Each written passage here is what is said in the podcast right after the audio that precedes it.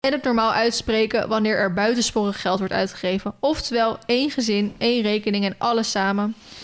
Ja, dat hoor je ook veel hoor. Hallo allemaal, leuk dat jullie weer luisteren naar het tweede deel van onze Hinneke podcast. Jee, jee, jee. Deel 2. We moeten even gaan kijken hoe we deze gaan indelen, want... ehm, Nou meid, ik heb wel wat leuke vragen voor jou. ja? Ja? Oh, nou, ik ben helemaal benieuwd. Nou, wat doe jij met mensen die liegen? Ik heb meer context nodig. Zo, om even lekker met de deur in huis te Ja, vallen op deze inderdaad. maandagochtend. Kom maar door. Ik ben benieuwd naar deze juice. Nou. Juice that I uh, don't spill. But, uh, ik ben gewoon benieuwd. Wat, wat doe jij met mensen die liegen? En dan in de breedste Ja, zin van de content. dat kan toch To- helemaal niet. context. Ik heb context nodig. Oké, jij hebt wat eh, met iemand... ehm, ik ga je verschillende dingen opleggen, ja? ja, ja. Ehm, Helemaal leuk dit. Een goede vriendin Oké. die tegen jou liegt. En waar je dan achter komt. Ja. Over best wel belangrijke dingen. Oh. Wat doe je dan? Het ligt eraan. Ga je dan eh, zeg maar... con- Oké, A, ga je confrontatie aan? B, hou je het gewoon in je achterhoofd en denk je... Oh, vieze... of C, ehm, je laat het voor wat het is... en je denkt gewoon van zand erover... ik doe dat ook wel eens. Mag een combinatie van alle drie ook? Ligt je antwoord toe? Als het echt, als, eh, als jij het zou zijn, Mhm. iemand die ik zeker aanschouw als een beste vriendin Mhm. en die ik regelmatig zie en Mhm. waarvan ik denk wij hebben een goede Connectie. connectie, dan ga ik je confronteren. Ja. Als het iemand is waarvan ik denk, ja, eh, ik, ik, je bent een goede vriendin, maar ik kan ook zonder je, Ja. dan denk ik misschien, nou, laat maar zitten. Dan laat ik deze vriendschap wel doodbloeden als het zo Mhm. moet. Ehm, ja, ik denk dat dat het vooral is. Ja? Ja, maar misschien doe ik ook wel bij. Ik, misschien ligt er gewoon heel erg aan wat. Is, heb ik een soort ingang om hierover te beginnen? Mhm. Of eh, is het iets wat ik eh, stiekem te weten ben gekomen? Dat Mhm. ik denk, oeh, dat wordt wel echt een confrontatie. Of, Ja. eh, Ga je dan liever een confrontatie uit de weg? nee, dat denk ik niet. Maar de confrontatie moet me wel waard zijn. Met wat er te confronteren valt. Mhm. Ja, dat is, dat is wel, wel goed, eh, Ja, oké. goed eh, uitgelegd eigenlijk. En dan de volgende optie. Mhm. Ehm, ja, ik wil zeggen op werk of zo. Maar ja, jij, jij werkt natuurlijk voor jezelf. Maar Mhm. stel dat je voor een baas zou werken. Leugentje om eigen best wil. Dus bijvoorbeeld... ehm, ehm, nou, dit is... Jullie staat weer met een lekker band thuis. Weer. Mhm. Dat, is geen, dat is geen leugen trouwens. Dat is oprecht het geval. Ik ga normaal altijd met de auto van jullie naar werk toe. Mhm. Nu ging ik dus gewoon met mijn eigen auto, maar dat kostte me benzine. Dus dat kostte me geld. Snap Ja. je dan wat ik bedoel? Ja. Zou je dan op je werk zeggen van... hé, hey, ik eh, heb een lekker band. Terwijl het dus niet jouw auto is. Dus ik kom vandaag niet naar kantoor? Nee, dat vind ik. Ik vind leugentjes dan best wel heel goed kunnen. Mhm. In heel veel situaties. Mhm. Die gebruik ik zelf ook heel vaak. Oké, Maar niet om dingen af te zeggen. oké. Ik gebruik ze wel eens als ik te laat ben. Nou, wat een... maar ik heb heel vaak ook een goede reden waarom ik te laat ben. Ja. Maar ehm, ik wil wel eens een leugen om, leugentje om best wel geven. Omdat iets... Maar ik kom altijd met een optie. Als in... ja, een optie wat je goed uitkomt dan nee, zeker. maar als ik zeg maar te laat ben, dan denk ik... Nou, ik, eh, er is niks gebeurd, maar ik ben tien minuten later. Ik doe mijn best om zo snel mogelijk te komen. Maar of als ik echt iets moet afzeggen... Maar ik zeg niet... Ik ga... Nee. Dingen afzeggen vind ik niet leugentje om best veel meer. Nee, jij, bent, jij zegt sowieso niet vaak iets af. Nee, en anders probeer ik wel gelijk... Ik pro- Een plan zeg, B te een plan maken. B te maken. Ja. Van, eh, het gaat me echt niet lukken vandaag om te komen. Ik zeg maar wat, kan je ergens volgende week? Of Ja. kan je ergens, kunnen we het... eh om gelijk een Ja. soort van, oké, eh, mijn fout dat er nu iets niet doorgaat of niet gebeurt. Dus dan vind ik ook dat het mijn ding is om het op te lossen. Ja, precies. Ik leg eigenlijk juist liever uit wat er gebeurd is... waarom ik niet Mhm. ben gekomen. Want ja, het- waar, waarheid komt altijd boven water. Dus dan... Dat, eh, eh, nou, daar gaan we volgende vraag inderdaad over. Je hebt met iemand afgesproken en die zegt anderhalf uur voor je afspraak af. En achteraf kom je er dan achter dat dat met een leugen is gebeurd. Wat doe je op zo'n moment dan? Hoe ga je dan om met mensen die liegen? Ik weet ondertussen over wie dit gaat. ik snap de hint. maar ehm, ja, ik... eh, nu wordt het heel moeilijk om objectief te blijven, want ik weet over wie dit gaat. ik, Je zou, blijft objectief. Eventjes echt... ik eh, blijf objectief. Ja. Dan zou ik diegene... Het is weer een ABC'tje. Wat zou je dan doen? Ik ehm, zou deze persoon in ieder geval niet appen erover. Nee. Dus... ehm, Dus A, dus geen confrontatie aangaan. Nou, dan zou ik of diegene bellen... Ja. of als ik diegene in het echt zie... Ja. De, het even erover hebben. Ja. En dat kan zijn als jij dus die nieuwe afspraak hebt gemaakt. Mhm.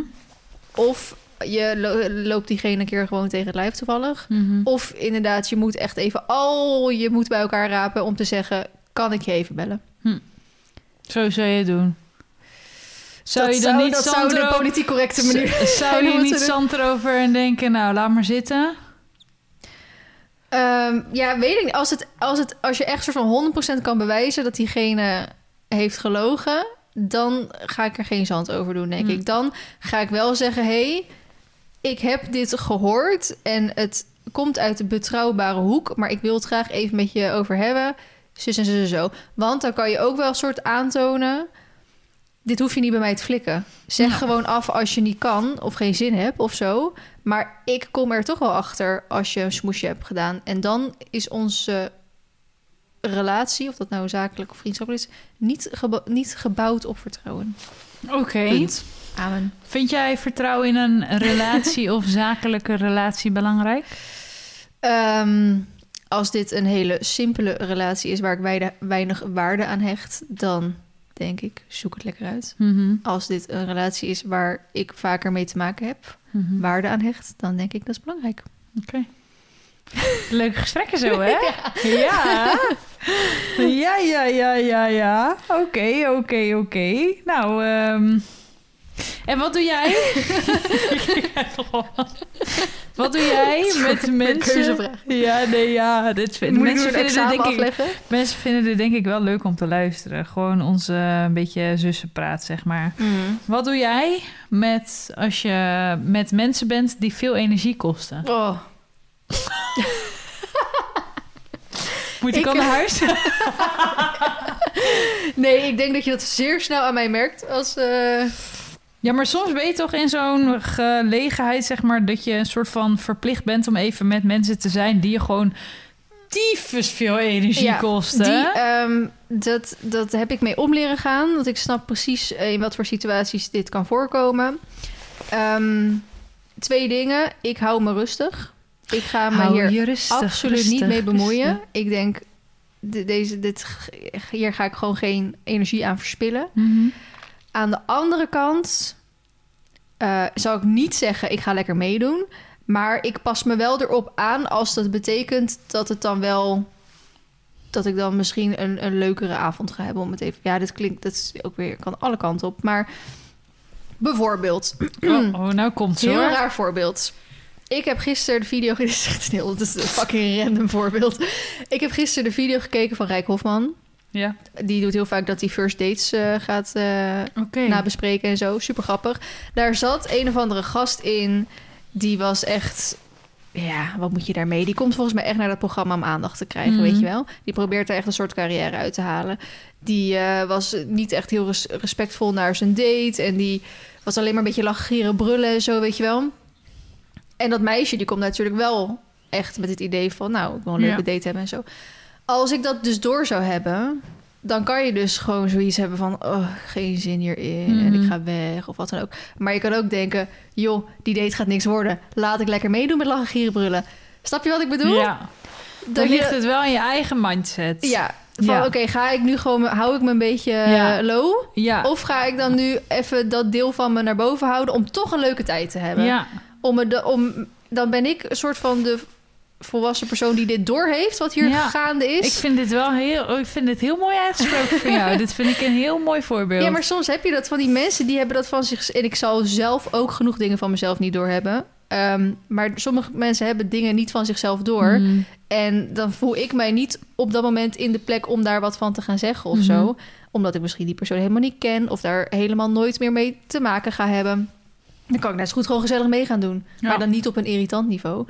Maar gewoon dat ik denk, ja, ik Ja. kan deze persoon nu heel maar het is toch wel kut, dus Ja. kutter kan die toch niet meer Nee, worden. precies. Dus ook, of Ja. ik neem nu mijn verlies en ik ga lekker weg... of ik hou me een beetje afzonderlijk. Ja, Of eh, ik pas me aan en dan gaan we maar op deze voet verder. ja. Ja, dat... ehm, mooi gesproken, Ja, maar ik moest echt toen met die video van Rijk gisteren... Daar de- moest je even aan denken. Ja, maar daar moet er wel vaker aan denken bij bepaalde situaties. Dat ik denk, ja, dit is normaal niet hoe ik zou varen. Maar als dit de situatie is, nou dan vaar ik Ja. wel mee. Ja. Dus vind jij van jezelf dat je je makkelijk kan aanpassen? ja, dat denk ik wel. Ja? Ik denk dat het ook weer heel erg per situatie is. Maar over het algemeen, ik heb dat wel echt... Ik denk dat precies, misschien de afgelopen drie, vier jaar of zo... heb ik me dat echt pas ehm, geleerd mezelf. En waarom toen pas dan? Eh, omdat ik heb gemerkt dat het leven dan eigenlijk veel leuker is. Of veel makkelijker, laat ik het zo zeggen. Anders ga je je alleen maar opvreten over bepaalde dingen. En dan ga je je irriteren aan dingen. En, ehm, en er zijn mensen die dat echt heel moeilijk kunnen, zichzelf aanpassen. En dan denk je, ja, wat boeit het nou eigenlijk ook? Weet je wel, ik heb meer die. Ja. Maar wat boeit het nou eigenlijk ook?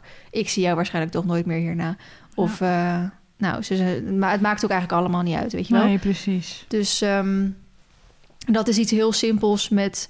als we dus met Amersfoort met al die meiden uit eten gaan... of eh, gaan winkelen of zo... wat boeit mij naar welk restaurant we gaan? Ja, graag wel wat vega-opties. Maar het boeit me voor de rest geen zak. Waarom ga ik me daarmee bemoeien? Dit weekend wordt er echt niet leuker of minder leuk van met welk restaurant we hebben uitgekozen. En dat zijn gewoon sommige. Vroeger had ik heel erg van nee, het moet echt perfect restaurant zijn en het moet echt zo. En eh, ik wil, we moeten daarheen en daarheen, want dan pas. eh, Dan hebben we een, weet je wel, gestructureerde planning en eh, allemaal leuke activiteiten. Dus dan gaat het leuk worden. En nu denk ik echt, joh, wat boeit het? Het gaat toch om de mensen waarmee je bent. Dus Geldt dat ook voor je bruiloft? Ja, want eerst had ik ook echt een ziek strakke planning. Mhm. Die is- er nog steeds wel een beetje. maar ik heb hem ook een beetje losgelaten op sommige vlakken. Ja? ja. Ja, eerst was er echt smiddags... eh moesten allemaal dingen geregeld worden... en activiteiten en zo. Ehm, maar als dit iets is dat... Ik weet niet of dit een soort onderliggende vraag is. Maar ehm, ik had het daar met Isabel ja, Isa over. Die zei wel van... Wil je niet zo'n leuk ehm, ding tijdens je bruiloft... dat mensen een leuk iets kunnen vertellen... met allemaal oude foto's en zo erbij... En dan denk ik, ja, maar dan moet er alweer een dia komen. En dan moet er weer zo, weet je wel, heel. En dat, dat vind ik dan eigenlijk niet helemaal passen in de stijl van de bruiloft, zeg Hm. maar. Dus eigenlijk heb ik zo, ja, van mij hoeft dat niet. Mhm. Maar als zij puntje bij paaltje toch dat ding geregeld hebben, ga ik natuurlijk niet zeggen, ja, haal dat ding eens even weg. Weet je wel, dan denk ik ook weer van, joh, prima. Ik pas me aan, daar wordt de avond leuker van. Ja, nou ja, als mensen daar dan ook weer moeite voor hebben gedaan en daar iets voor hebben, je moet jezelf dan ook een beetje laten verrassen en zo. Hm. Dus eh, in eerste instantie zou ik zeggen, ja, dat zou voor mij niet hoeven. Maar ja, Mhm. als het uiteindelijk dan wel gebeurt. Maar als het gaat om ehm vrijgezellenfeesten, heb ik bijvoorbeeld wel gezegd, ik wil niet in een piemelpak eh, uitgaan of zo, weet je wel. Ik denk, ja, dat hoeft van mij niet. Niet. En dat, dat heb ik al heel vaak uitgesproken. En dat is wel iets dat als jullie daar straks met z'n allen staan en zeggen... Hier, ik heb- Hoezo jullie? Waarom word ik er ook weer even bij geschuffeld? jij bent toch bij dat vrijgezellenfeest aanwezig? Dat weet jij helemaal ja, dat weet niet. ik wel wel. Ehm, dan... En jullie staan voor mij met een piemelpak. En zeggen, ja, jij gaat erin. Dan zeg ik toch echt, nee, dat gaan we toch echt gewoon niet doen. Dan zeg ik, maar dat wordt de avond leuker. Denk maar aan ons gesprek. En dan zeg ik, voor jullie misschien, niet voor mij. ik moet er zelf altijd beter van neer. Ja, nee, maar ik snap je wel. Ja, maar dat is ook gewoon een beetje met soort van ehm, grenzen die je dan hebt, denk ik. Ja, Toch? nou en ook wel bepaalde ervaringen. Want eh, eerst, wat ik zeg, wilde ik allemaal, wil ik alles een beetje volgepland hebben. Hmm. Maar we hadden laatst toen een keer een bruiloft. En daar was dan wat uurtjes, waren daar... Nou, had je tussen ceremonie en eh, het eten zeg maar in zitten. Maar als je dan... ehm, als je daar bent als personen dat je eigenlijk de rest allemaal niet kent... en ook niet behoefte hebben om de rest te Mhm. leren kennen... dan is het best wel lang wachten. Dan zou het leuk zijn als er iets te doen was. Maar als je een gezelschap bij elkaar hebt die... ehm, die gewoon een paar uur ook gewoon lekker met elkaar wil kletsen, lekker doen Ja. en zo, dan vliegt de tijd ook voorbij. Ja. Dus eerst had ik helemaal van, oh, we moeten echt allemaal activiteiten en eh, strakke planning en zo. En nu denk ik ook weer van, joh, we gaan natuurlijk, je moet wel echt weten wanneer de ceremonie begint en wanneer dit, dan moet je ja, het allemaal weten. precies. Maar daartussen, ja, wat boeit het nou? We hebben wel iets, uiteindelijk iets bedacht, iets leuks. Maar we hebben er ook wel voor gezorgd dat je daar, als het goed is, niet langer dan een half uur mee bezig bent. Hm. En dan heb je nog twee uur de tijd of zo eh, om gewoon lekker te kletsen en te ouwe hoeren en eh, weet ik het wat Te te doen. eten, cocktails te drinken. Bijvoorbeeld. Maar ik vind het ook wel weer lastig, want tijdens bijvoorbeeld in het bruiloftthema te blijven, wij moeten ook eh, nog foto's maken. En wij, wij moeten best wel veel op zo'n dag. er Dus wordt soms- echt geleefd. Ja, daarom. Dus soms denk ik ook, ja, het- daarom moet je een soort van zo'n planning hebben. En is het niet handig als mensen iets als verrassing gaan organiseren? Ja, want dat dat snap ik wel. past misschien eigenlijk. Dan denk ik, ja, heel leuk dat jullie dit nu hebben gedaan. Maar eigenlijk moeten wij nu echt foto's gaan maken. Want Mhm. anders komen we niet uit met de planning of zo, weet Nee. je wel. Dus dat is ook wel weer lastig eraan. I got you, I got you. Nou, ze hebben toch gewoon, gewoon een mooi gesprekje even gehad. Vind je niet? Met wat Ja. diepgang. Maar het ging wel alleen over mij. Dus ik wil ook wel graag jouw Oh jee. visies erover A, horen. B of C? nou, stel maar vragen, kom maar door. Maar dan wel een beetje iets anders als eh, mijn vragen. Bedenk Ja. maar even wat. Wat zou je doen als... Nou ja, maar kijk, het gaat over dat onderwerp. En jij hebt het best wel breed gevraagd. Ja, kom maar door met je vragen. Nee, maar kijk, jij hebt nu deze situatie echt meegemaakt. Want ik weet Ja. nu waar het over gaat. Heb je nu deze vraag gesteld omdat je even advies van buitenaf nodig hebt? Wat zouden jullie doen? Of heb nou, je jij het- bent niet buitenaf. Nee, oké. nou ja, ik ben, het is een, een, iets tussen jou en die persoon. Nou, Er is een derde persoon bij betrokken die heeft gezegd... hé, hey, maar dat is niet waar. Ik ben in dat... Ja, ik heb, ik heb ook wel wat informatie toe te brengen... maar ik ben niet bij de, de nee, activiteit ja, weet je aanwezig wat geweest. is? Bij dit soort dingen ga ik op mijn eigen gevoel af.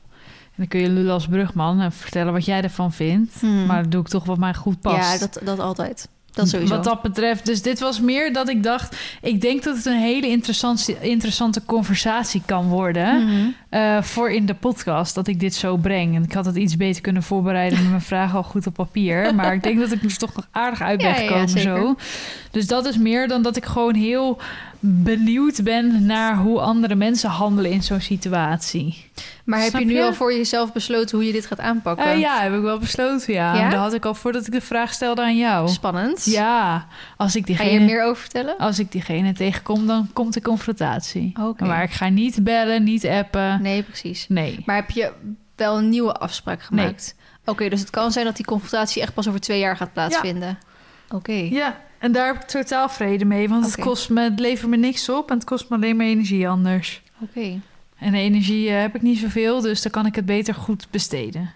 Ja, want aan de ene kant denk ik inderdaad. Aan de andere kant eh, is, een soort van nu de, is het nu vers en de frustratie is er en alles. En als je pas nee, over want twee er is jaar... dus geen frustratie omdat het zo ver van me weg staat. Ja, oké, dat snap ik.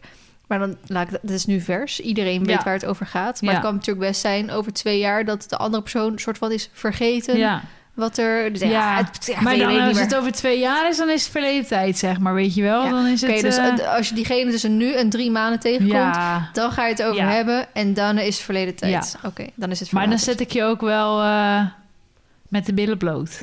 Dan spaar ik je niet. Snap je dan wat ik bedoel? Ja, ja. Dan ga ik wel op zes meeste confrontatie aan.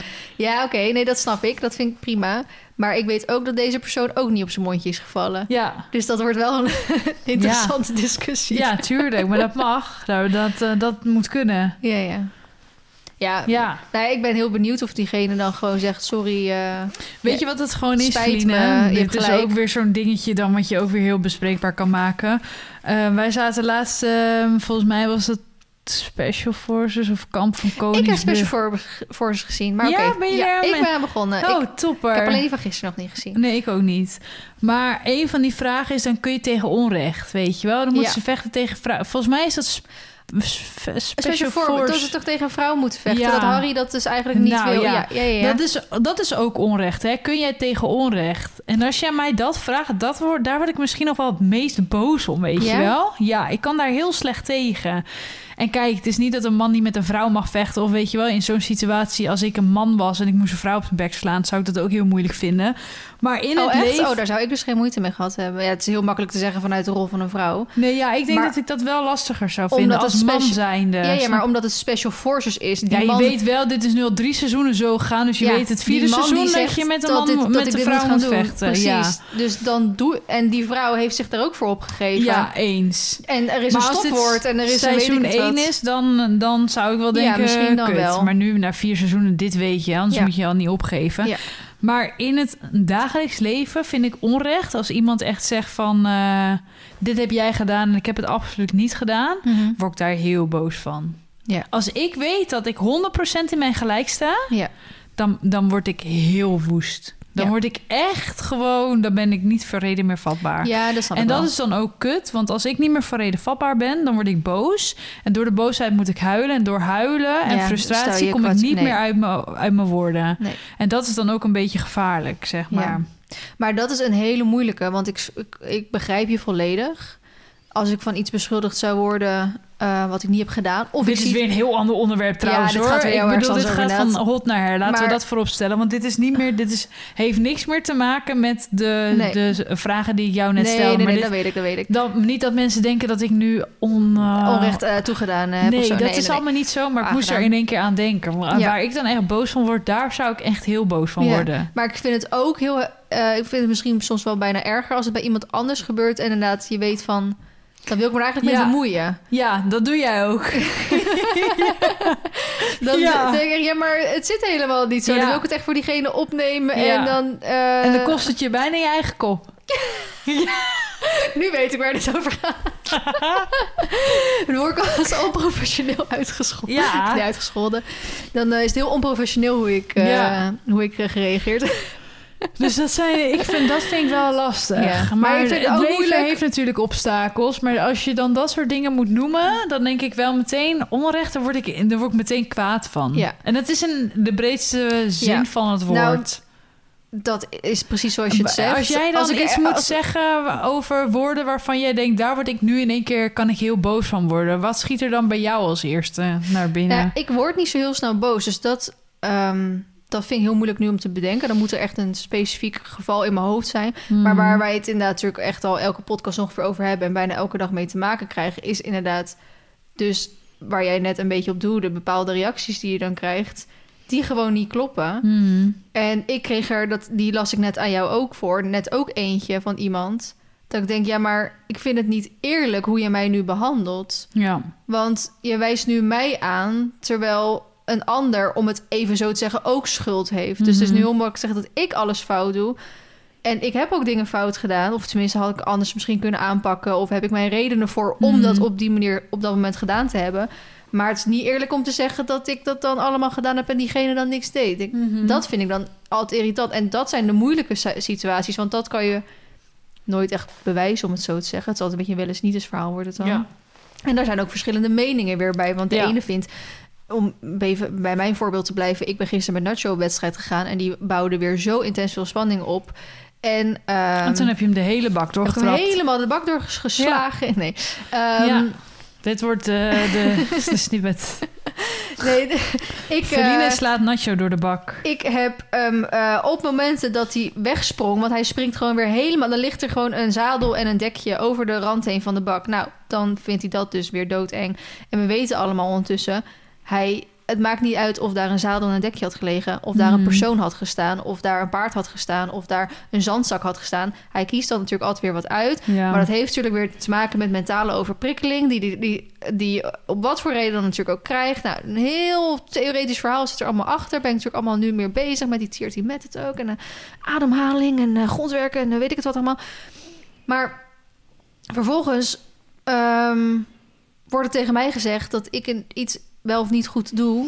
En dan denk ik, ja, eh, het had misschien iets anders gekund. Maar op dat moment ging het zo.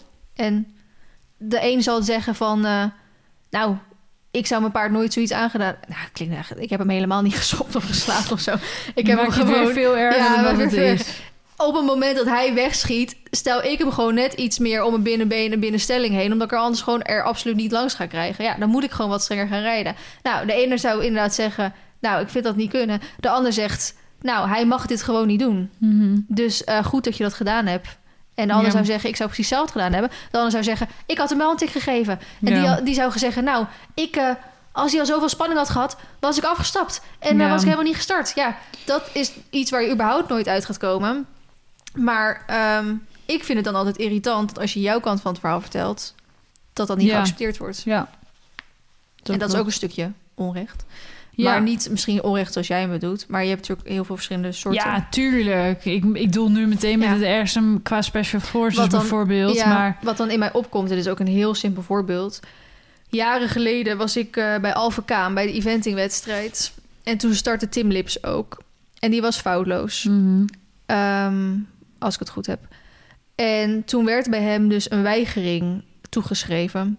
Maar het, had ook, het stond ook gewoon allemaal op film en zo. Dus toen was hij echt daar naartoe gegaan van... hoezo staat er dat ik een weigering heb? Ik heb helemaal geen weigering. Mhm. En toen zei de secretariaat, of weet ik wel wie erover gaat... die zei ook van... oh ja, maar het staat nu toch al geregistreerd, dus... en je was anders ook niet eerste geworden of zo, weet je wel. Dus maakt toch niet uit. Mhm. Dus hij had gezegd, nou ja, kijk, voor deze wedstrijd niet. Maar dit paard moet straks verkocht worden. En als zij dan de wedstrijdresultaten gaan terugzoeken... en er staat dat hij een weigering had, terwijl hij dat helemaal niet had... ja, dat maakt dat paard... Weet je, daar kunnen gewoon echt mensen dan ja, dat paard ja niet om daar willen krijg je wel kopen. problemen mee. Dus dan denk ik, ja, dan zou je dat dus ook als onrecht kunnen zien. Van ja, Ja. haal gewoon die weigering eruit. Ja, Want ik heb daar een reden voor. Dus je kan natuurlijk op heel veel eh, ja. Vlakken toepassen. Leuk dit zo. het wordt toch nog wat, hè? Met Het wordt toch nog wel, toch al zeker Wat 26 minuten bezig. Sorry zeg. Wat een diepgang. Ja, wat nee, diepgang. lastig. ehm, pittig. Soms is dat wel... ehm, ik, ik ben dus wel heel erg de laatste maanden... meer bezig in mijn hoofd met... oké, als je dan een reactie krijgt... zoals jij bijvoorbeeld nu kreeg... dan doe ik even over jou. Ehm, wat... Als ik mezelf in die ander dan verplaats... Mhm. wat, wat ga ik er dan uithalen? Of wat ga ik er dan Ja, want jij had toen ook gereageerd vinden? van... Of wat ga ik er dan van lucht winnen? het op als je, dat je dit nu hebt gezegd of zo? Ja, wat, wat, ehm, hoe wordt dit beter? Of eh, hoe kan je zorgen dat zo'n eventueel werkpunt, mocht dat het geval zijn, Mhm. dan ook duidelijk wordt gemaakt? Op wat voor manier, qua communicatie, omdat ik communicatie heel erg belangrijk vind, kun je dat dan het beste met iemand ehm, overleggen? Mhm. Of eh, kijk, want iedereen mag er natuurlijk wat van vinden. Net als eh, bij jou natuurlijk. Dat moeten ze allemaal lekker zelf weten. Maar op welke manier ga jij er dan ook nog wat, aan, wat van opsteken? Ja. Snap je dan wat ik bedoel? Ja, ja, ja. Dat vind ik vooral heel interessant. En dat stukje communicatie vind ik ook heel interessant. Want mensen zitten zo verschillend in elkaar. Echt, dat is echt. ja, dat is eh, echt niet normaal. Dat, dat, dat vind ik gewoon heel bizar. Mhm. Ehm, dus dat vind ik eh, grappig ook. En soms denk ik echt, wow, hoe kan dat zo anders werken bij een ander? Mhm. Eh, dat, dat, hou, dat vind ik interessant, laat ik het zo stellen. Dat vind ik wel interessant. Ja, je kijkt er meer vanuit een... eh, ja, ja, ja, niet een objectieve, maar... nee, een, ja, maar kan daar wel... Ik vind dat wel... ik sta daar met een leergierige blik in. mhm. Zo kan je het wel noemen, denk ik. Dus dat vind ik wel... Nee, ik vind die mensen gewoon irritant. Ja, nee, ik kan me daar dan wel overheen zetten. En dan ook kijken van, oké, wat is dan de kern... en wat wordt hier dan mee bereikt? Mhm. En kan ik dat omzetten of niet? Punt. Ja, maar wel. dat, is dan met jezelf. Ja, maar ook bijvoorbeeld met zo iemand die jou nu zo'n berichtje stuurt. Mhm. Dan, dan denk ik, waarom op deze manier? Ja. Dat begrijp ik dan niet. Nee, dat, precies. Dat vind ik ook altijd irritant. Snap je? Maar datzelfde met die reactie naar jou. Denk Ja. echt, wat heeft ook... Ja. Ondanks wat, dat er een kern van het? waarheid in zit, wat wordt, waar wordt dit nu beter van? Nou, en dat is het. Je kan ook zeggen... hey, ik... En dat vind ik altijd irritant. Want daar had ik laatst ook, eh, ook een reactie van. Maar je kan ook zeggen... hey Esme, het valt mij op... Ja, dat je afstanden niet altijd goed zijn. ja, Misschien kan je daar meer op letten. ja, Succes. ja. Dat is toch heel anders dan zegt... ja, de ruiter ziet er geen afstanden of zo. Ja. Dan hoezo moet je Alleen dat op jammer dat de zeggen? bestuurder geen afstanden kan rijden. Ja, En dan ook als reactie op een ander. ja. Denk, is het nou? dat is het hele ding dan. Toen zei ik dat ik vond dat diegene een triest persoon was. Had ik misschien achteraf ook wel anders kunnen zeggen. Ja, maar, dat eh, was niet heel correct. maar hè, emotie zullen we dan maar zeggen. Maar dat kan zo iemand in een emotie ook gedacht hebben en, en gedacht van... nou, nu ga ik dat een keer zeggen. Ja, en daar ben ik het mee eens. Dus misschien, ik was net zo fout als dat zij was. Maar aan de andere kant denk ik ook, zij zegt het tegen, om het even zo te zeggen, een wild vreemde. En ik neem het op voor mijn beste vriendin. Ja, Daar vind ik dan wel weer verschil in zitten. Ik zou nooit tegen een vre- wild vreemde zeggen, wat ben jij een triest persoon zeg. Ja, tenzij het richting mij is, maar niet zeg maar naar een ander. ja. Ja, en zij kan denken, nou, eh dan heb je twee van die trieste. Ja, Ja, kijk, weet je, dus zo blijf je natuurlijk daar. Dat is ook de reden waarom ik uiteindelijk alles heb verwijderd. Want Ja, dan blijft iedereen reageren. En dan blijft Ja. er een negatief spiraal ontstaan. En de ander kan zeggen... Ja, maar je engagement gaat er toch van omhoog. Want hè, zoveel reacties. Ja. Negatieve aandacht is ook aandacht. Maar dan denk ik, ja, maar dit past niet bij wat ik... Nee, Waar ik achter sta. nee, nee, dat klopt. En dat, daarom zei ik natuurlijk in het begin ook... vaak als ik dat soort reacties krijg, verwijder ik het gewoon anders. Gaan andere Ja. mensen weer op reageren. En dan blijft het weer eh, doorgaan. Ja, blijft echt En sneeuwballen. een, een enkele keer ehm, wordt dat een prima discussie. Hmm. Met respect, met eye-openers. Ja, Maar dat is vrij zeldzaam, laat ik het zo zeggen. ja, maar dan ligt het ja. er dus ook weer aan hoe jij zelf die discussie, hoe jij erin staat. En of je inderdaad dus feedback kan ontvangen of niet. Hmm. En dan ligt het gewoon aan de manier van feedback geven. Ja.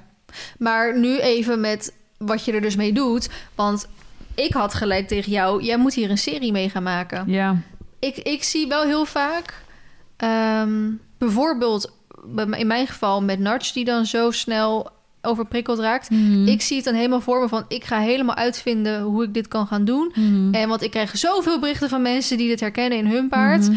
En dan ga ik dus dat allemaal, nou niet allemaal proberen, want ik moet niet mijn eigen paard als een soort experiment gaan gebruiken natuurlijk. Maar ik ga mijn best doen om hem dat eh, allemaal goed te doen voor hem en voor mezelf. Mhm. Maar ook zodat ik de kijker kan meenemen, zodat als jij ook zeg maar zo'n paard hebt, Mhm. dat je dat dan ook weet. Want het is gewoon bijna niet te vinden. Iedereen zegt maar wat op internet. Of tenminste, iedereen zegt natuurlijk wel iets met, met kennis, maar door de bomen zie je het bos niet meer, laat ik het even Mhm. zo zeggen.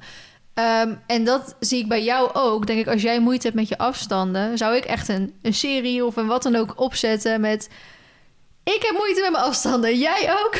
ik ga je meenemen in een paar video's met hoe je dat kan trainen. Want Ja. er zijn tering veel mensen die moeite met hun afstanden hebben. Ja, Zo kijk ik er dan. Ik kijk altijd heel erg naar, oké, welke opties zijn er? En Ja. welke video-ideeën en zo. en ik sta, jij staat daar dan zo in en ik denk echt van, ik ben hier niet professioneel genoeg nee, voor. maar dat moet je dus. Dat, ik, ik ben dat ook niet, maar daarom moet je dat met een instructeur doen. Ja, Daarom ga ik zulke soort dingen met Edwin samen opnemen. Dan is Ja. Edwin de professionele. ja, Ben ik de amateurruiter met het amateurpaard. ja, Want eh 90% van Nederland zijn amateurruiters met amateurpaarden. ja. En Maar ja, dan moet je dus eerst een fijne springinstructeur vinden. die moet je dus hebben dan. Ja. Ja, Edwin is daarin wel heel fijn. Ja, dat en- speelt wel. ik wil nu allemaal dingen zeggen, maar dat doe ik maar niet. Maar, ehm, nee, ja, maar als je diegene gevonden hebt, is dat heel fijn. Ja, En dat is waarom ik natuurlijk ehm, bijvoorbeeld dat oefenspringen van laatst. Daar gaan dan bepaalde dingen niet helemaal goed. Maar Edwin vertelt dan hoe ik dat moet oplossen of hoe ik dat moet anders doen. En Mhm. iedereen neemt dat aan van Edwin. Mhm. Terwijl als ik exact hetzelfde had gezet, had de helft het niet aangenomen, weet je wel. Mhm. Dus je moet dat inderdaad met iemand samen doen die daar heel veel verstand van heeft en die dat heel goed kan uitleggen. Ja, dat is waar. Dus dat zou leuk zijn. Maar ik zag dat je een oproepje deed voor eh springinstructeur in de buurt. Ja. Dus heb je iemand gevonden of niet? Ik heb heel veel reacties gekregen. Ik ga er eens eventjes in spitten. In springen. Want ik wil eh, van alles. Het moet wel een beetje passen bij wat ik zoek. En Ja. dat is best wel lastig af en toe. Nee, dat snap ik. Ik ben Dus- inderdaad heel blij dat ik Edwin daarin nu gevonden heb. En Romy natuurlijk ook. Ja, Maar eh, ik weet hoe het is om zo iemand te zoeken. En eh, dat is waarom ik ongeveer zo'n zes instructeurs ben afgegaan... voordat ik iemand gevonden had waar dat allemaal ook mee kon. ja precies. Dat is fijn, ja. Ja, dat moet ik nog vinden. Ja. Maar goed, je hebt dus wel wat namen. Ja, ik heb wel wat namen, dus dat is wel positief. Dus we gaan eens even kijken wat, eh, wat, eh, wat, eh, wat we ermee gaan doen, zullen we maar Mhm. zeggen. Dus ik ben zeer benieuwd. Spannend, spannend. Ja. Moeten we het nog even hebben over een kleinschalig onderzoekje? Van jou? Nee, over die reactie, Oh over de ja. dingen. Ja, dat kunnen we wel even doen. Wij hadden namelijk in de podcast die jullie twee weken geleden hebben geluisterd, volgens mij, twee weken of drie weken geluisterd, hadden we het over ehm, wie de kostwinner van je gezin was. En dat, eh, nou, ik zei van, nou, als het zo mag zijn, dan zouden de Sjoerd en ik het leuk vinden als ik dat word en dat Sjoerd dan lekker huisvader kan worden. En jij had het erover, nou, ik vind het eigenlijk juist wel fijn als de man zijn eigen geld verdient en nou, bla bla. En toen hadden we dus een reactie gekregen van iemand, terwijl we daar ja, in de podcast wel over hebben gehad. Mhm. Zij stuurde naar mij. Hey Vline en Esme, leuk onderwerp over het verdelen van de inkomens in de podcast van vanmorgen. Wij hebben nog geen kinderen, maar hebben het hier ook al over gehad voor als we wel aan kinderen willen beginnen. Hey Piepje. Ik werk in de autosport en ondanks dat mijn vriend op dit moment nog iets meer verdient dan ik, is mijn carrière wel de prioriteit. Carrière wel de prioriteit. Ik heb hier de meeste ambitie in. Autosport is altijd mijn grootste passie geweest en vanaf kleins af aan heb ik altijd al gezegd dat ik een carrière in de autosport zou hebben. Als ik bij wijze van een aanbieding zou krijgen om ergens in Zuid-Amerika te gaan werken, waarvan ik voel dat het de juiste stap is voor mijn carrière, dan zou mijn vriend mij volledig supporten en alles hier achterlaten en met me meegaan. Zonder te diep in te gaan op de details, werkt mijn vriend nog op freelance basis voor enkele organisaties in de autosport, waaronder één van mijn comp competities. Dit doet hij naast zijn gewone baan en is een leuke bijverdienste. Het zou ons doel zijn om het over een paar jaar zo. Even zoeken we ingericht te kunnen hebben dat we van mijn salaris grotendeels rond kunnen komen. Mijn vriend parttime kan gaan werken en wat van die freelance opdrachten erbij te blijven doen wanneer dit past. Ik zit voor mijn werk ook regelmatig in het buitenland, dus die flexibiliteit moet er wel zijn. Zou het zeker leuk vinden als jullie in een toekomstige aflevering wat van deze verhalen zouden willen delen? Ben ik erg benieuwd naar. Ja. Nou, daar hebben we gehoor aan gegeven. En uh, nou, die story hebben we er expres maar even twee uurtjes op laten staan. Ja, want dat liep weer helemaal de spuigaten uit. Precies. Uh, ik heb er wat gescreenshot. Jij ook volgens mij. Ja, alles staat in de, in de app. Oh, jij hebt dat allemaal daarin gezet. Ja. Nou, ik heb ze zelf gescreenshot. Ik uh, zal, we zullen er een paar even doorgaan. Ik wil even zeggen, ik heb alles gelezen. Ook als ik niet op je gereageerd heb. Ik heb Ja, het allemaal Same. gelezen. Ja. Um, nou, ik denk dat 90% wat ik binnenkreeg was dat het of 50-50 was, Mhm. of uh, de man die de kostwinner was. Ik denk dat het meeste voorkwam dat dan de man 40 uur werkt en de vrouw 36 uur of zo, 34 Mhm. uur. En dat ze de uh, kosten uh, naar ratio doen. Dus dat is of 50-50 of uh, 55-45 of Mhm. eventueel 60-40 en zo. Um, bijna iedereen zei als het um, als er op een gegeven moment kinderen komen, gaat de vrouw dus Mhm. één of twee dagen minder werken. Uh, een enkeling zei dat de bedoeling was dat de man ook een dag minder ging werken. En uh, veelvuldig kwam ook terug dat hiervoor gekozen werd omdat eigenlijk de kinderopvang bijna even duur is als dat je gewoon zelf zou ja, gaan werken. Het is heel duur. Dus dan zeggen ze ja, dan zijn wij liever gewoon thuis met ons kind samen. Uh, want het gaat natuurlijk eigenlijk ook maar vaak om een paar jaar. Ja. Zeg zo'n vier jaar. Um, want dan gaan ze volgens mij natuurlijk naar school toe. Dus het is maar vier jaar, om het even zo te zeggen... dat dan de vrouw vaak minder gaat werken om thuis bij het kind te zijn... zodat je niet de kosten van de opvang hebt. Wordt vaak ook gekozen toch voor één dag opvang in de week. Want ze mm -hmm. vinden het ook wel lekker om ook een dagje voor zichzelf te hebben. Wat ook veel terugkwam, is dat uh, de moeders die ervoor gekozen hebben... om fulltime thuis te gaan werken... dit heel uh, zwaar vonden... Uh, zwaar vonden op twee manieren. Omdat al heel het huishouden en het kind helemaal voor hun waren. En dat dus heel zwaar was.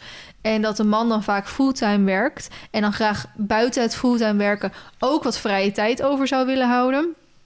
Dus dat er dus weinig wordt meegedaan in het huishouden en rondom het kind. Um, dat de reacties waren van als de man graag ook een dag minder zou willen werken, dat het vanuit werkzien vaak raar aangekeken wordt. Want hoezo zou je als man minder gaan werken? Mhm. Mm. Want dat is toch juist vaak de vrouw. Wat er ook veel naar voren kwam, is dat um, vrouwen zich vaak eenzaam gaan voelen. Als zij dus volledig voor het kind gaan zorgen. Ja. Dus heel erg de sociale activiteiten missen. Dus dat ze dan vaak toch nog één of twee dagen in de week gaan werken of vrijwilligerswerk gaan doen. Uh, om toch een beetje die sociale contacten te houden. Ja. Dat kwam er als meeste uit. Uh, moet zeggen dat er ook best wel vaak naar voren kwam dat de vrouw met een 28-urige werkweek evenveel verdiende als de man met een 40-urige werkweek.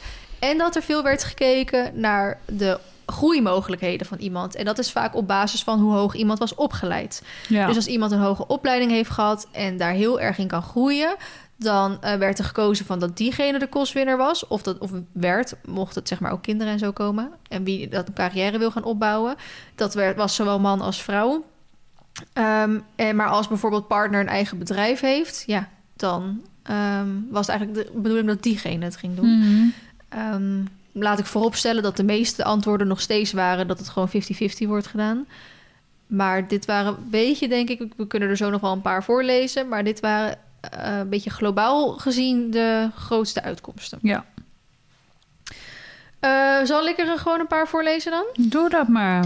Huismoeder hier. Ik ben huismoeder geworden omdat mijn parttime inkomen net zo hoog was als de rekening van de kinderopvang. Toen met één kind. Laat staan, later met twee.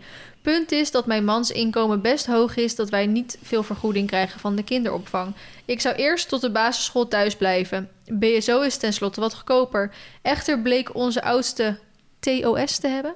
Weet jij wat dat is? En Nee. is naar een BSO gegaan na school te veel voor hem. Nu zit hij in groep 6 en de jongste in groep 3. Ik hoop vanaf volgend jaar weer een beetje te gaan werken. Voor het geld hoeft het niet en mijn mans geld is gewoon ons geld. Want voordat ik thuis ben, heeft hij een enorme carrière kunnen maken. En zo ziet hij dat ook. Ik ga ook over de financiën. Laat hij allemaal aan mij over. Maar je sociale leven wordt kleiner als je thuis zit. Ik doe vrijwilligerswerk, maar merk aan mezelf dat ik meer wil. Fulltime vond ik ook minder zwaar. Ehm, als huismoeder zijn, eerlijk gezegd. Dat kwam ook vaak naar voren. Dat mensen echt Grappig, hè? Of hu- tenminste grappig, maar... al huis, fulltime huismoeder, fulltime huisvader wordt Ja, als zwaarder gezien Ja. dan fulltime werken. ja. Dus tip voor Sjoerd, als je die periode ingaat, zorg dat je wel iets blijft doen om eens onder de mensen te blijven. En Sjoerd zou zo een bedrijf aan huis kunnen starten met als het al het mooiste dat hij kan maken. Mhm. Heel cute. Eh, maar dan kunnen we misschien gelijk even eentje van jou erbij pakken, want zij heeft het erover. Mijn mans geld is ons geld. Maar bij jou is dat bij iemand misgegaan. Hallo? Ja, ik zit ondertussen mee te lezen. Welke... Die allereerste die je stuurde. Ja, maar eens mee. Ik heb zelf een relatie gehad van negen jaar... waarin mijn vriend... Die, die bedoel je toch? Ja. Ja, oké, ik lees even voor. Hoi eens mee. Ik heb zelf een relatie gehad van negen jaar waarin mijn vriend het meeste verdiende, maar we wel alles 50-50 deelden. In de toekomst zal ik meer voor mijn eigen inkomen gaan staan en zorgen dat ik onafhankelijk ben van de man. Ik zie het voor me dat ik meer voor mijn eigen carrière ga, het liefst in de vorm van een eigen bedrijf waar ik eventueel kinderen mee zou kunnen combineren. Ik denk dat het heel erg begrijpelijk is. Uh, b- ik denk dat het heel erg belangrijk is om, een onafhank om onafhankelijk te blijven op een moment dat er stront aan de knikker is en er geen grote problemen zijn op financieel aspect en eh, dat, eh, de dat dat de reden dat dat geen reden is om samen te blijven en te afhankelijk te zijn. Dat Ja. vind ik een hele goede om mee te geven. Wat natuurlijk vanuit oudsher zo is. Dat hebben we natuurlijk in de vorige podcast volgens mij ook al besproken. Of, of die van net, weet niet meer. Maar ehm, vroeger ging je eerst trouwen. Ging Ja. je dan samenwonen. Ik En denk ging- dat we dit niet in de podcast hebben besproken. Jawel, hebben we wel besproken, maar ik weet niet of het de eerste of de tweede was.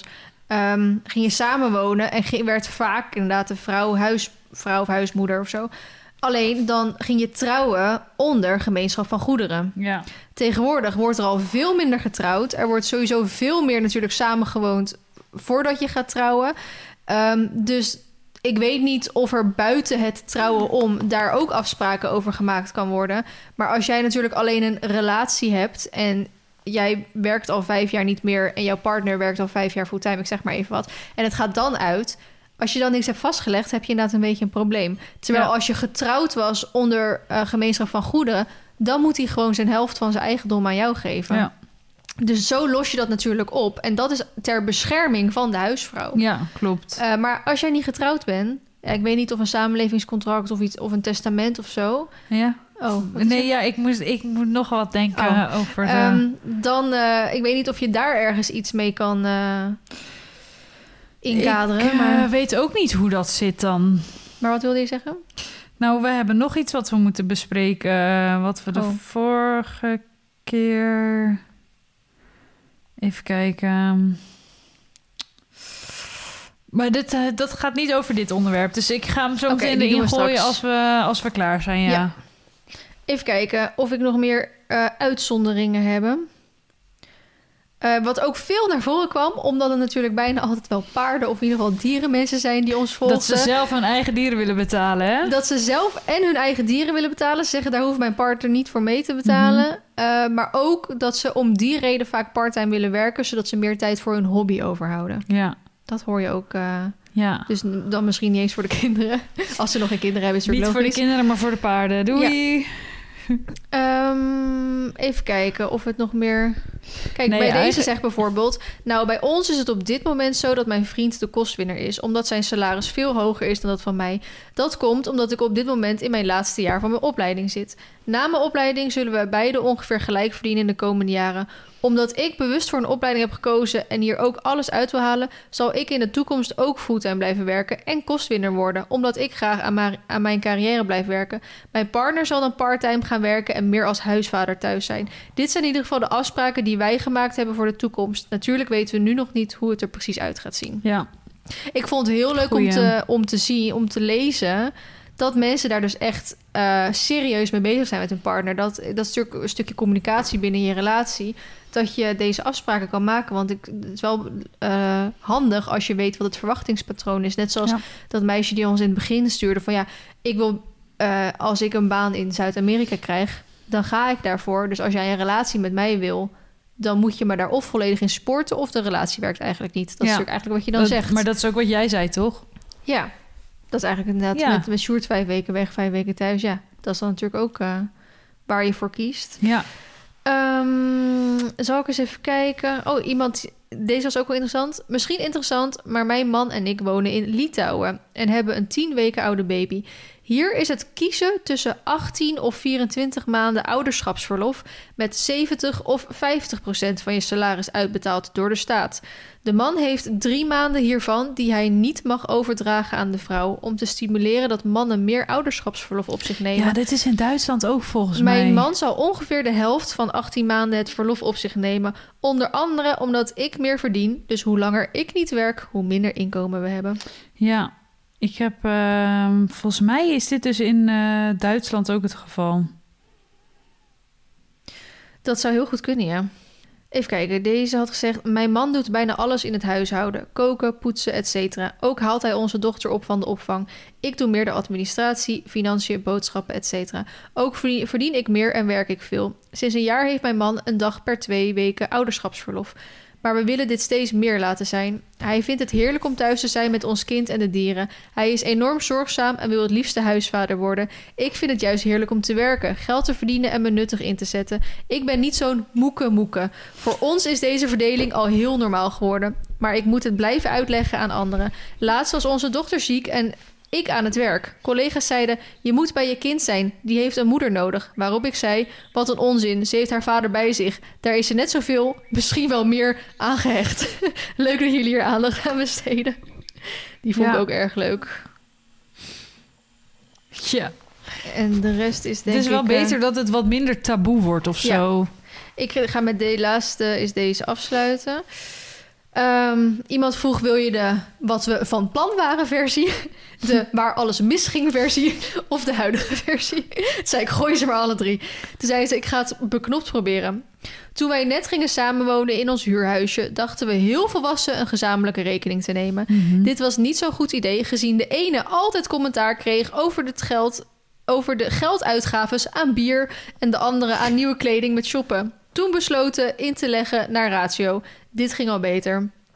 Toen kregen we ons eerste kindje en werden de verhoudingen toch scheef. Minder werken is minder inkomsten. Maar wat er na ratio overbleef, was niet genoeg voor alle zwangerschapskleding, voedings-BH's, hogere zorgkosten, etc. Toen afgesproken allebei evenveel zakgeld op de eigen rekening te houden en de rest toch weer op de gezamenlijke rekening te zetten.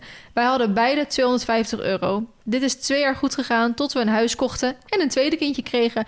Nu we bijna 30 zijn en toch wel wat meer volwassen zijn, kunnen we beter relativeren, eh, relativeren en het normaal uitspreken wanneer er buitensporig geld wordt uitgegeven. Oftewel één gezin, één rekening en alles samen. Ja, dat hoor je ook veel hoor. Hebben jullie dat? Alles op één rekening? Absoluut niet. Ik ga stuk. je schrok van je eigen reactie dat je zo snel reageerde. Dat was wel een heel eerlijk antwoord. Wij hebben een gezamenlijke rekening. Daar storten wij, daar horen wij elke maand iets van 1000 euro of 1500 euro zo naar over te maken om de hypotheek van af te trekken, de auto eh, lease af te trekken, financial lease. En eh, de gas, water, licht, waterschaps, weet je dat soort eh, belastingen Mhm. en zo. Eh, nou, dat vergeten we allebei de helft van de tijd. en de rest ehm, doen we een beetje zo op gevoel, een beetje zo natte vingerwerk. Van nou, ik heb deze week de, bo- de boodschappen betaald, dus jij, weet je wel zo. En ik Mhm. moet zeggen, daar kreeg ik ook wel wat reacties van hoor. Dat mensen zeiden, ja, we doen het gewoon op gevoel. Mhm. Ehm, en, an, en, ja, en andere dingen betalen we gewoon zelf. Ja, en nou, sommige grote uitgaven is dat ja, over... Doet ja. Sjoerd. Nee, maar ik bedoel meer... Vorig jaar had ik Jij natuurlijk leeft bij. Sjoerd. Ja, als het nodig is, nee. Maar als... Kijk, ik had natuurlijk vorige keer had ik het al over... eh, mijn geld is mijn geld, dus daar hoef ik geen toestemming voor te vragen bij hem. Maar als je natuurlijk echt een grote uitgave moet doen, Mhm. dan heb je het er wel even over. En dan nogmaals, niet om toestemming te vragen, maar wel om even over, overleggen: is dit het goede moment? Of kunnen we beter een maand wachten? Of kan ik daar beter een maand mee wachten? Of eh, nou, mocht het dan toch even mislopen, kan jij het dan opvangen? Weet je wel, Mhm. meer zo. Eh, en kleine uitgaven, ja, die doen we eigenlijk allebei gewoon zonder eh, met elkaar te bespreken en zo. Maar ik moet zeggen, wat diegene net zei over eh, de salarissen op een gezamenlijke rekening binnen te laten komen. Mhm. En dan jezelf een soort zakgeld uitreiken. Dat doen wel heel veel mensen, weet ik. Ja, Ik weet niet hoe jullie dat doen. wij niet. wij maken iedere maand eh 1500 over naar de gezamenlijke. En daar moeten we de boodschappen en de gaswaterlicht en Mhm. de En ook, boots of eh, hoe heet dat eh, hypotheek van betalen. ja, maar geen uitjes en zo. En sommige mensen betalen nou, daar dat ook willen we dus ook. restaurants en Ja. activiteiten van. Maar dan, dus we zitten. Ik ben nu maar dan moet je meer geld overmaken, of niet? Eigenlijk wel. Ja, komt anders net niet uit. Nee, dus ik ben nu heel erg aan het kijken van... oké, waar kunnen we dan nog een beetje op besparen... Hmm. dat het straks wel uit kan komen. Ja. Want het liefste zou ik van dat geld ook nog willen sparen. Al is het maar 100 euro in de maand. Ja. Pip. Oh, Pip Pip, staat een bakje iets. uit te dikken. Ja, die kat die kijkt gewoon nergens. en ze mee met de stofzuiger erachteraan. Ja, maar dat brutaal ding is dat hoor. Stoute poes. Zo, echt zo'n... eh, die springt gewoon op tafel om alles van je bord af te lebberen en eh, dingen en zo. Maar ze heeft ook al drie bakjes gesneuveld. Want dan gaat ze dat eens likken en dan valt het op de grond en dan is het weer kapot. Maar als je dan pip op het allemaal geluid maakt, dan gebeurt er niet. Je moet er of echt naartoe, Ja. of je moet iets naar de gooien. Ja, kom moeilijk die stofzuigerslang naar de kop te gooien. En dan is ze hartstikke knock-out zo meteen. Hey poes. Dan moet je gewoon een, eh, een, so- een so- Nou, ik moet zeggen... Normaal gooi je dan, weet ik veel, als je iets zachts hebt liggen of zo. Ik zeg maar wat een sok of zo. Want dan komt het niet zo hard aan als je wel raak Ja, gooit. glas ook kapot. Maar ik moet zeggen, ik heb een Oh. keer een pen naar haar gegooid. En ik wilde hem expres misgooien, want ze hoeft er alleen van te schrikken. Ja, Toen was hij dus raak. bijna gespiesd. Arm kind. Oh ja. Oké, ik heb nog een... ehm, Oh, dit was een stift. Dus er zat geen puntje aan of zo. Dus dan ge- valt niet, bijna gespietst. Toen zat het zeker overal onder. nee. Oh, maar ze is gewoon een baldadige tour, want ze wil naar buiten. Dan, ga- dan gaat ze dit soort dingen doen. Boefje. Ze gaat nu weer klaar zitten. Ga je er even naar buiten gooien? Dan ga ik een eh, vraag aan jou stellen. Want wij hadden nog een mailtje gehad. Hoi. Bouw een struggle slash jullie mening in de podcast delen. Influencers of professionele accounts die giveaways winnen. Onlangs was er een winactie voor Need for Wheels van eh, voor 1 maart. Wow. Voor één maand gratis paardenwagen. Demi van Nikkelen wint deze. Jammer dat er voor een zichtbaarheid wordt gekozen in plaats van hobbyruiter die geen vervoer heeft. Ik zelf heb bijvoorbeeld geen trailer of auto die dit kan trekken. Een wagentje huren is 130 euro per keer. Ik heb niemand die het regelmatig kan wegbrengen, al dan niet tegen betaling. Hoe staan jullie hier tegenover? Ehm, bedrijven maken dan beter een samenwerking, maar, dat, ehm, maar dit kost hen dan weer geld. Shout-out naar Verline die hier steeds heel erg goed mee omgaat. Bij jou heb ik er nog niet op gelet, maar ben benieuwd naar jullie mening. Jullie zijn in ieder geval super bezig. Nou, als eerst En heel jij zei, ik heb hier een mening over. Dus ik dacht, nou, kom maar ja, door. ik heb hier een hele sterke mening over. Vertel. Ehm, als eerste, wat zij zegt, klopt dat inderdaad. Ik kies 99% van de tijd mensen uit bij mijn winactie... waarvan ik denk, die hebben er echt wat aan. Mhm. Ik probeer ook eigenlijk, en dat is dan het lastige... want er doen altijd zoveel mensen mee... zowel grote als kleine accounts... zowel mensen als ik ken die ik niet ken. Mhm. Maar eigenlijk maken bij mij automatisch grote accounts al geen kans. Nee, ik doe ook wel eens bij jou mee, maar ik win nooit Nee, wat. Dat is- echt Het schandalig. is heel raar als ik zeg, Esmee is de winnaar. Dan denkt ook iedereen, ja, hallo, doorgestoken kaart. En dat is ook Zullen waarom we dat ik... een keer... Oh, het is bijna 1 april. Ik. Ja, moeten we echt doen. en dat is Zo, ook waarom om ik het altijd... engagement ehm, op te hogen. Dat is ook altijd waarom ik ehm, eh, tegenwoordig niet zelf meer eh, met mensen de winnaars uitkies. Ja. Omdat dan dus toch... Maar goed, iedereen weet dat ik jou ken natuurlijk. Mhm. Maar omdat toch soms dan mensen kunnen winnen... die ik toch ook ken of zelf volg of zo. Ja. Maar in ieder geval, ik kies dus altijd iemand uit... waarvan ik denk, die heeft er wat aan. Maar ik heb nog veel meer dingen waarom, waarom ik altijd iemand uitkies. Bijvoorbeeld ook, ik denk dat deze persoon daar zo blij mee is... dat hij er zelf ook veel over gaat delen. Mhm. En dan uitei- uiteindelijk is iedereen een micro-influencer. Of je nou 10 volgers hebt of 1000 Ja. volgers hebt. Dus als diegene er dan ook over gaat delen, ik zeg maar eventjes wat, eh, QAP, een nieuw setje, een leuke jas of zo. Mhm. En eh, diegene krijgt die jas. Nou, diegene heeft misschien 150 volgers. En, maar diegene is zo blij dat hij iets gewonnen heeft. En die gaat dan op haar story zeggen: De jas is binnengekomen. Ja. En eh, die, hij zit zo lekker, hij is zo fijn. Ja, dat zijn degenen eigenlijk waarvan ik vind: die wil ik dingen laten winnen. Als ik iets heb waar ik meerdere producten van wil weggeven. Dus stel, ik mag vijf van die. eh, eh, hoe heet dat? ehm, clean, cleaning dingen, hoe heet dat? De coat cleaners van Sectorlin weggeven. Stel, ik mag er vijf daarvan weggeven. Dan kies ik dus drie mensen ongeveer uit van wat ik net vertelde. Dan kan er best eentje tussen die ik echt ken. En dan kan er ook nog wel eentje tussen met wat meer volgers. Snap je dan? Ja. Probeer ik het zo te verdelen.